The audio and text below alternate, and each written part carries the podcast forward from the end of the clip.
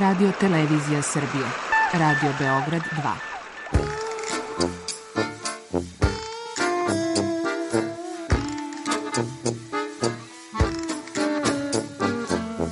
Rekli su mi, gospodine, vi ste promašili temu. Pa ja sam onda promašio život. I ne znam šta će da bude sam. Kaže, ja ne mogu više te čuvam. Šta da ti radi, kaže, snađi se kako znaš. Mi smo kao u kafesu. Za nas to je najmrtvo. To je mrtvo za nas, naročito. I ja bih želela neko da me usvoji. To bih želela. Govori da bih te video. Program dokumentarnog zvuka.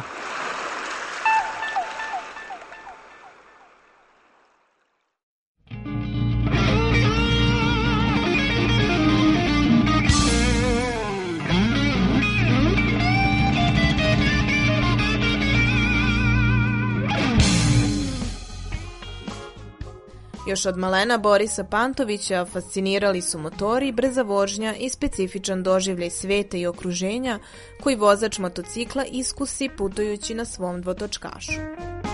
Vremenom ljubav prema putovanjima i prirodi stopila se sa strašću prema motorima i danas Boris koristi svaki svoj slobodan trenutak kako bi seo na motor i krenuo u istraživanje zabačenih i neotkrivenih delova Srbije.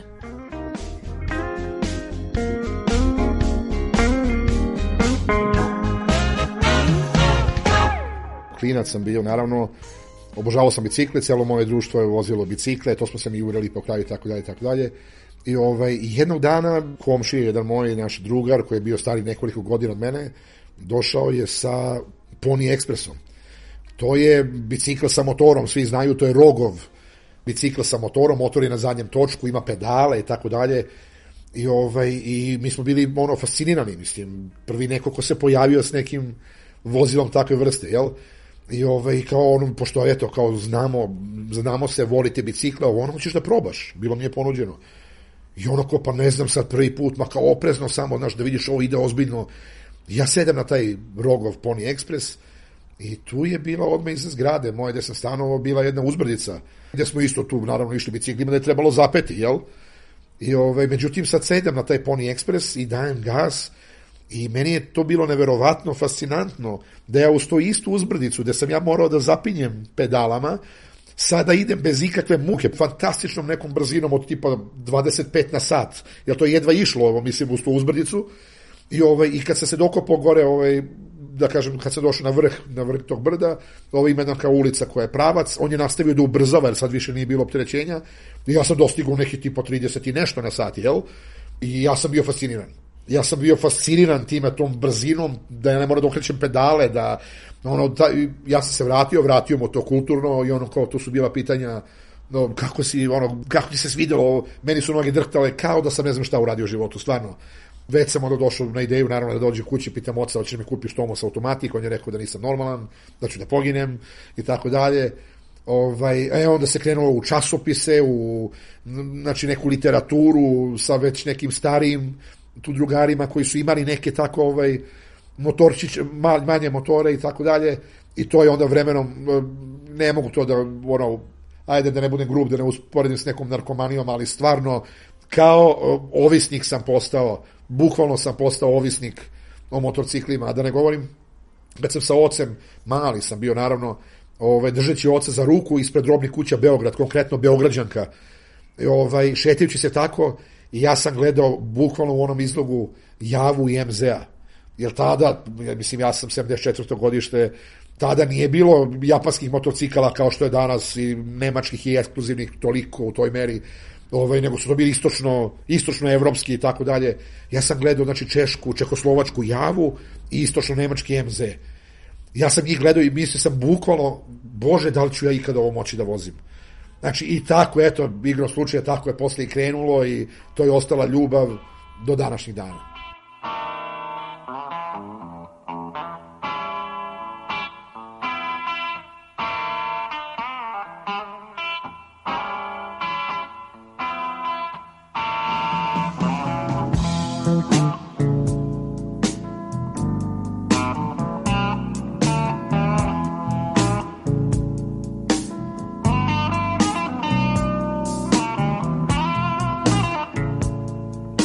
Počeo da vozim motore, kad sam, eto, kažem, bio klinac, istim ulicama, znači u istom gradu, istim ulicama sam opet prolazio, ima sam utisak kao da sam u drugom gradu. Pogledi se otvore, onda onda naput vidim neke zgrade koje su visoke, koje imaju neke lepe balkone, koje su drugačije. To nikada na ranije nisam vidio iz autobusa, gradskog ili iz nekog auta, ono kad sam bio klinac, kad me vozio otac i tako dalje. Znači, od jedan put istim ulicama prolaziš i vidiš, imaš drugačije poglede. Mnogo više vidiš. Drugo, tu su neki mirisi, znači kad putuješ kroz prirodu, kad putuješ, sve to upijaš. Bukvalno sve to osjećaš.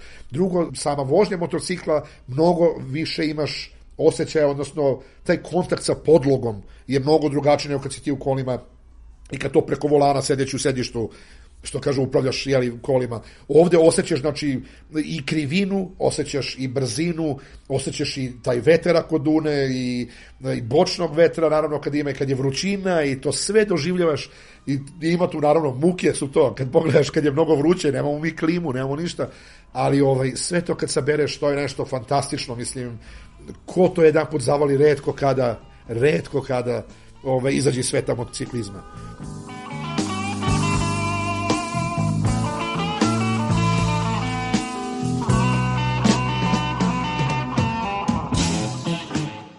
Ima ljudi, znaš i sama, ima ljudi koji vole automobile i koji gledaju to na neki drugačiji način, međutim, većina, jedna velika većina motociklista e, gleda na tu, eto što ti kažeš, napravu potpuno drugačije.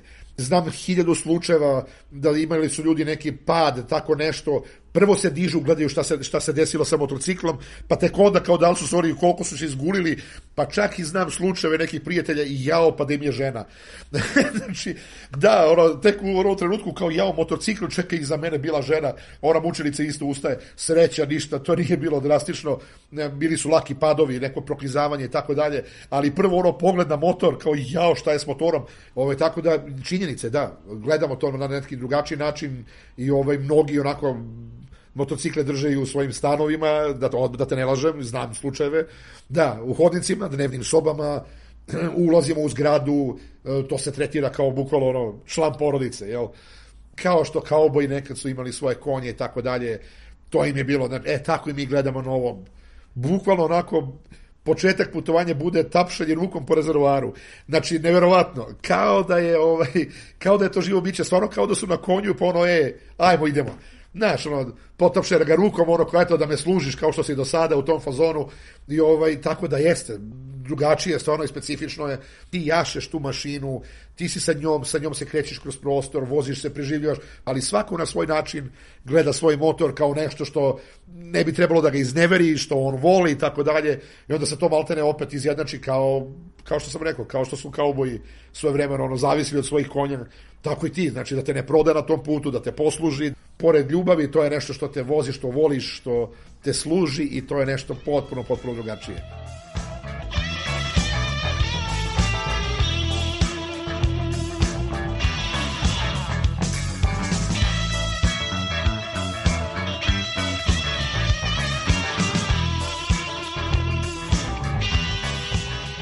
Kaže, bajkeri se dele, motociklisti, jel?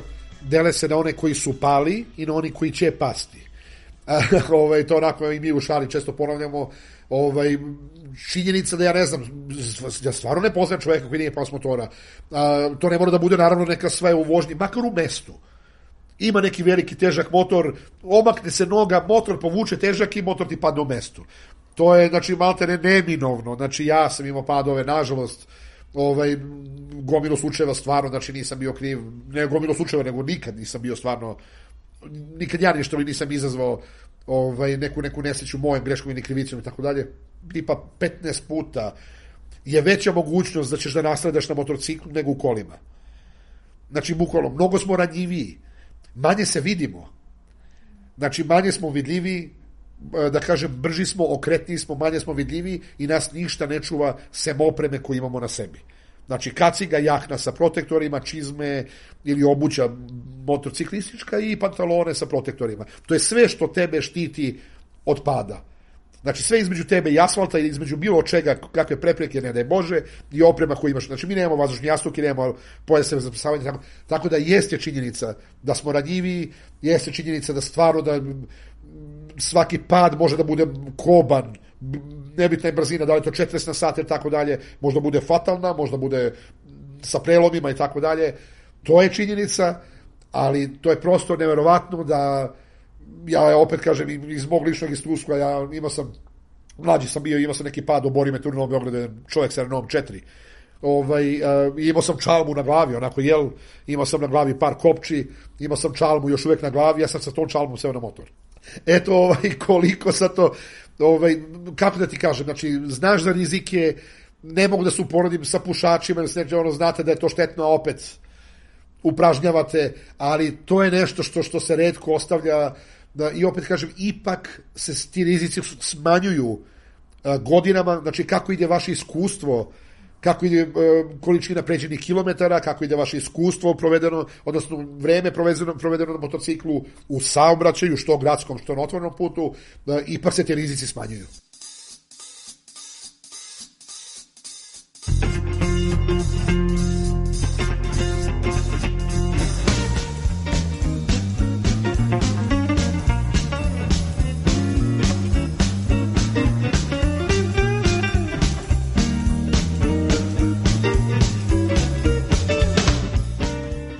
Ja ne znam više ni sam koliko sam promenio motora, popriličan broj, naravno, pogotovo kad sam bio mlađi. Pogotovo kad sam bio mlađi, onda kupiš jedan, pa ti se iskrsne, iskrsne ti neka prilika, njega prodaš, zameniš za drugi i tako dalje. Kad sam bio mlađi, kad sam počeo da vozim ozbiljnije motore, zaista, znači, kad sam eto mogao da priušti sebi nekog Japanca, to je se, nekada je to bilo stvarno, ono, wow da neko vozi što ili zvali smo ih grbavi ili jer su onako bili sportski da kažemo ono znaš sa onim rezervoarima i tako dalje zvali su ih i grbavci plastikanari zbog onih oklopa sportskih i tako dalje. Ovaj ali uh, kad sam prvi put stvarno kad sam mogu da priuštim sebi neki japanski motor znači nešto ozbiljnije skuplje i tako dalje to su bili sve sportski motori. Bio sam mlađi i da mi je tad neko rekao ej vozit ćeš nešto drugo sem sportskog motora bi rekao ma ne, nisi normalan mislim to ovo takozvani erovi i te erove, da kažem, sam ovaj, uglavnom vozio kao klinac i promenio sam ih dosta i njih sam obožavao. Kako sam, kako sam da kažem, stario, kako su godine prolazile, sve više su me ovaj, interesovale neke druge stvari. E, sve više sam volao da to bude onako malo udobnije, i da sa tim motorom mogu da pređem više kilometra, da se ne, ono, ne ukočim kad, se, kad siđem sa njega. I ovaj, da mogu udobnije da pređem veći broj kilometara, da ovaj, mogu čak i da siđem sa asfalta, znači da provozam neki makadam da bi došao do nekog, neke plaže, do nekog vidikovca i tako dalje. I onda ovaj, vremenom sam prešao na tu kategoriju koja se zove enduro. Enduro kategorija motocikala je napravljena eto za ta neka putovanja koje mogu da ti u, prilikom kojih imaš i silazak, mislim putovanja naravno, ali za vožnje gde imaš i silazak sa asfalta, gde imaš vožnju po makandamu, po lošijem putu i tako dalje, I, ovaj, I tu sam se našao, definitivno, to je da već godinama unazad. Trenutno, uh, trenutno imam BMW vozim, to je BMW Enduro, onako povelik je motor, što kažu R 1200 GS mu je oznaka, ovaj, napakuje se, imam i bočne kofere i one treći kofere i tako dalje. Sav je na, napravljen je motor bukvalno da, da predviđen je za duža putovanja. Znači možeš da krstariš, možeš da može da se potera nije tolika lenčuga, on ima veliki klinec, znači može se pregazi potok, neki rečica, neke tako dalje. Bukvalno, ovaj, naravno ne može da se meri sa lakim cross motorima koji se veru po kakvim čukama, ali bukvalno kad ga ti natovariš, kad krene na put, sva moja interesovanja i tako dalje, ja sam uspeo da, da ovaj da pokrpim da pokrpim sa njim, znači svuda me odveo da sam poželeo stvarno, znači to su bila i razne tvrđave, do kojih se baš onako teško stiže u, ovaj, u Srbiji, pogotovo naravno. Ovaj, to su bile razne tvrđave, razni vidikovci i tako dalje, dokle god je moglo, naravno motorom, ja sam došao da se naravno nastavlja, nastavlja pešice.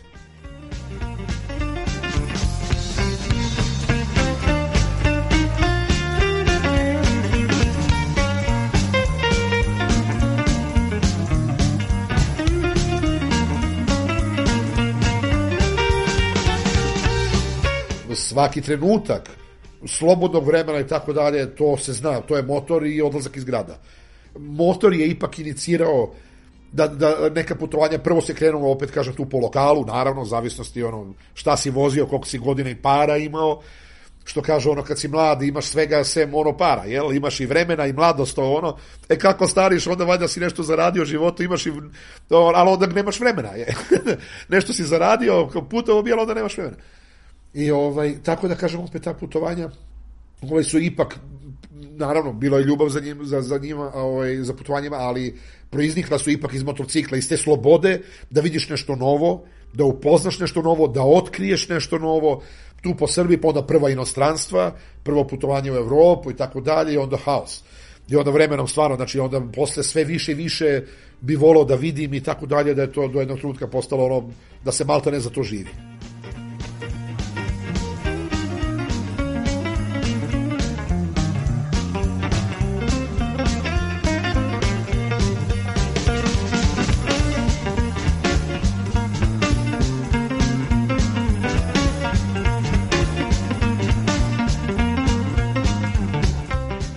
Sam solo, što najviše volim, zaista, to je ono, činjenica da lepše kad imaš nekoga, mislim, kad staneš da popričaš, pa ovo, pa ono, ne de Bože, da se nešto desi, neko je tu s tobom. Neću da govorimo o padovima ili nešto, ali dovoljno da imaš da, puk, da se da ostaneš bez goriva, recimo da se preračunaš, da ostaneš bez goriva, da ti pukne guma, neko će da uzme flašu doda da ti natoči gorivo da se vrati. Ti ne možeš to, kako ćeš sam. Tako da, ima mnogo stvarno prednosti, naravno, u grupi, društvo, ovo ono, ovaj, ali e, opet, e, kad sam sam, ništa me ne sputava. Stvarno me ništa ne sputava, znači gde sam namerio, tu dođem, vozim svoju vožnju, e, da ću da ostanem dan, dva, tri na tom putovanju ili ću da produžim, ne moram nikom, neću da kažem da se pravdam, ali ne moramo da se ono utanačujemo, što kažu, radim kako mi je, tako da, eto, to je moje ono, mnogo, mnogo već godina unazad na tim putovanjima, kad obilazim neke lokacije, sve sam tam.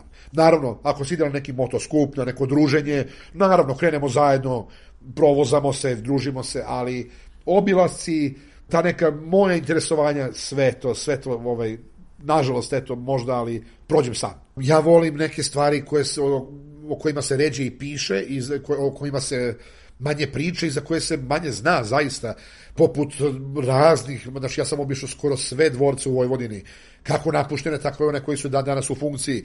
E, obišao sam razne vidi, govorimo sad u Srbiji recimo, e, obišao sam razne vidikovce, obišao sam razna mesta prirod za koje ljudi, naravno sad je teško, 21. vek je, ne možeš ti sad nešto da otkriješ zašto se ne zna, ali ovaj, za koje ljudi ili manje znaju, ili su onako nepristupačniji, pa je ipak su ostali rezervisani za avanturiste.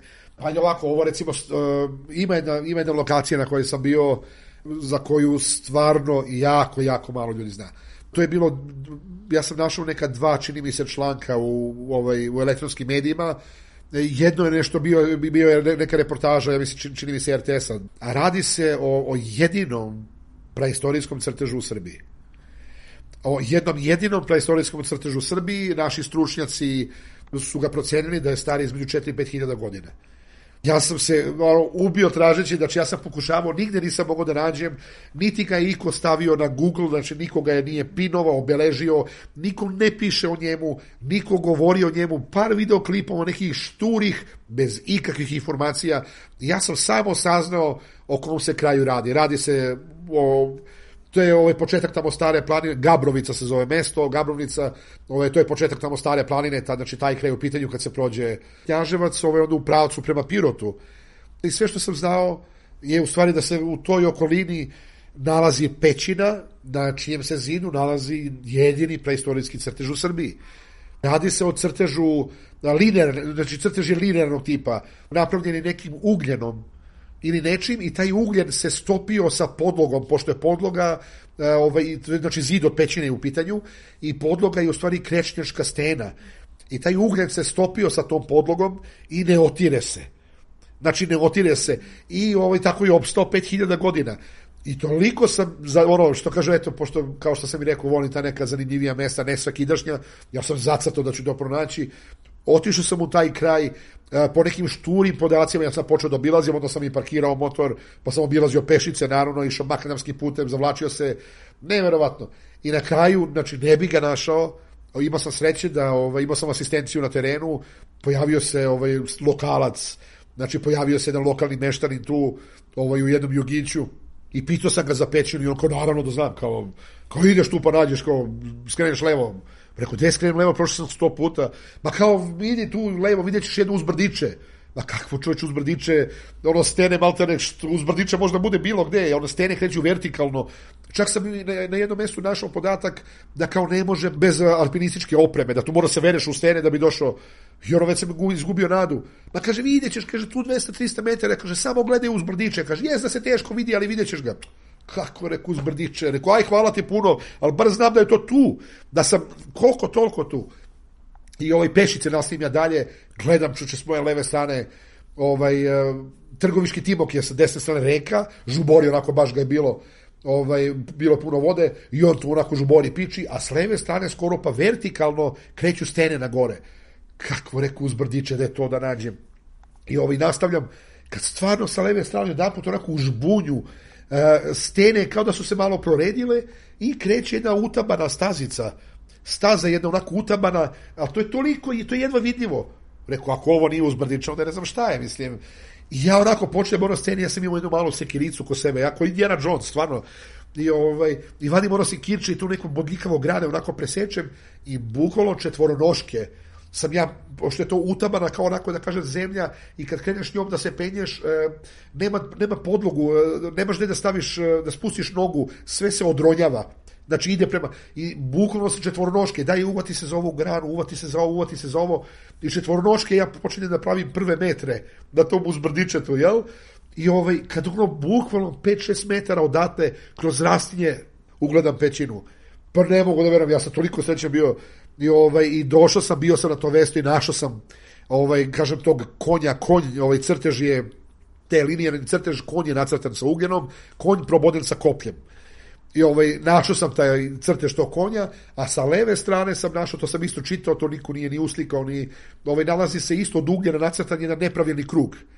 Kao točak, onako nepravilni krug sa leve strane pećine, a sa desne konj koji je proboden ovaj, sa kopljem. Ja sam bio presrećen, to je nevjerovatno nešto bilo. Ovaj, uslikao sam ga tako dalje i tako da, eto, recimo, on mi ostao u sećanju, to je jedno mesto koje je stvarno, za koje ne zna puno ljudi u Srbiji, koje, eto, nažalost je eto, neposećeno, da kažem, ovaj, čak što više 2017. čini mi se nekoga je oštetio. Neko je u tom crtežu napravio rupu. Da, neverovatno, mislim, to je prijavljeno policiji, to sam čitao i tako dalje. I onda rekao, daj da idem da obiđem to, ne da Bože da neko padne na pamet da ga ošteti još više, mislim, baš bi bilo krivo. Tako da eto recimo to mi je ostalo onako u sećanju da sam onako luto i ono, baš se ono iscimo što kažu ovaj, da, da ga nađem.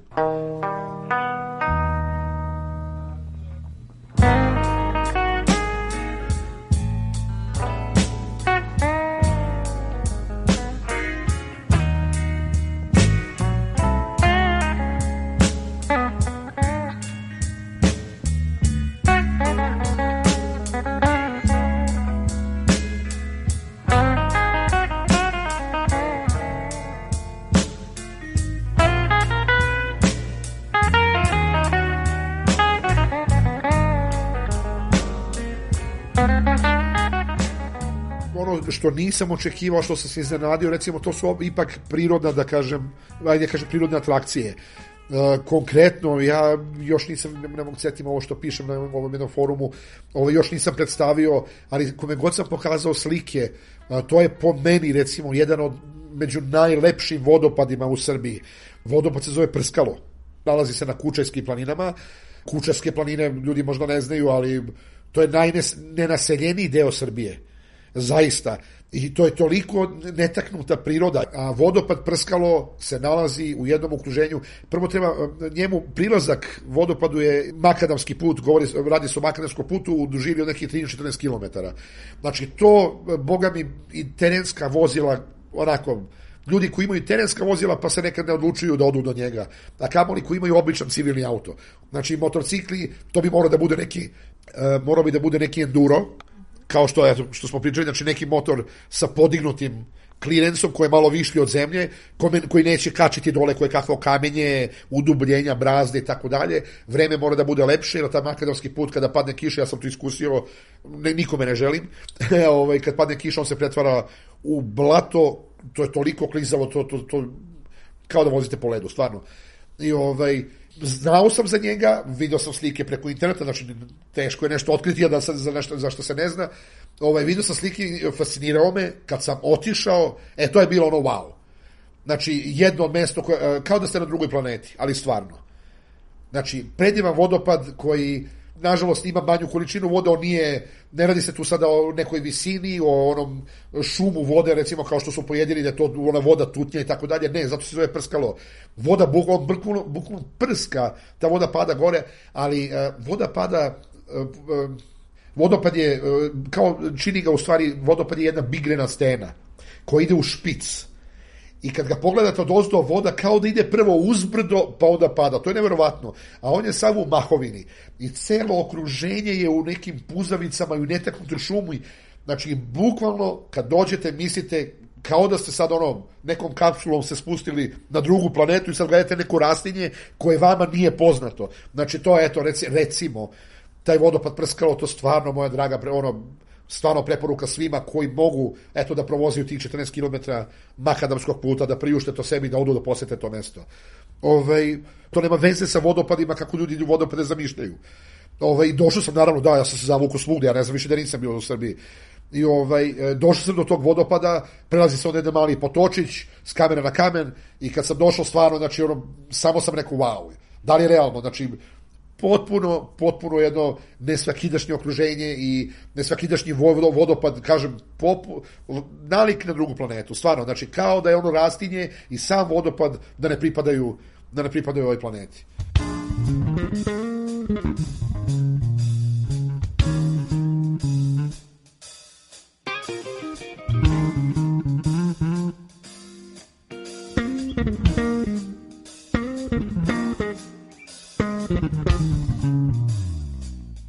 danu ja pređem po 300, 400 km, 250, to mi ono izlet iz Afrikancije, što kažu.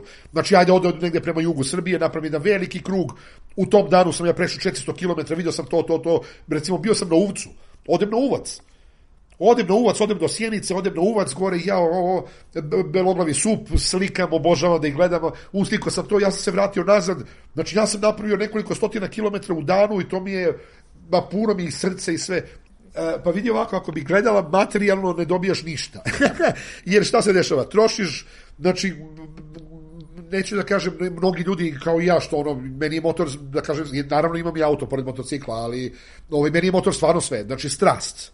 Meni je motor strast i e, sa njim ono i da odem na posao i da nešto završim, sve što mogu i dokle god mogu ja to radim na motoru. Tako da ovaj, e, mnogim ljudima ono služi stvarno, znači kao vozilo s kojima idu na posao i tako dalje. Međutim, e, motor, je, motor neću da kažem da je čist gubitak, ali znači ti imaš dodatnu registraciju pored automobila recimo koji uglavnom svi imaju i auto, jel?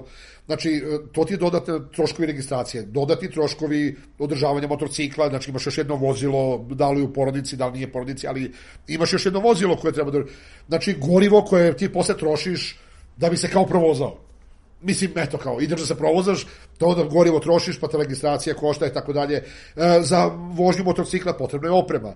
U auto sedneš i odeš.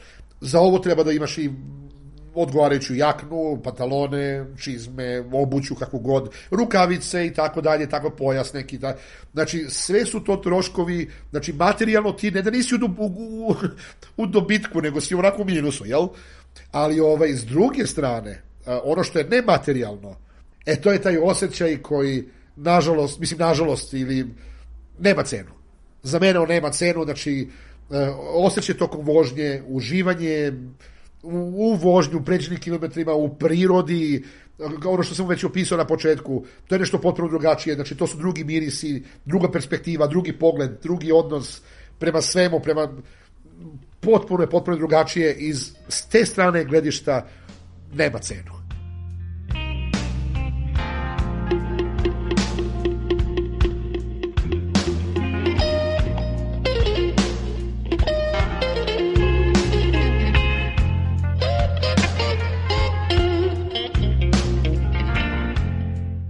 U reportaži Motociklom po Srbiji govorio Boris Pantović. Autor Milana Radić.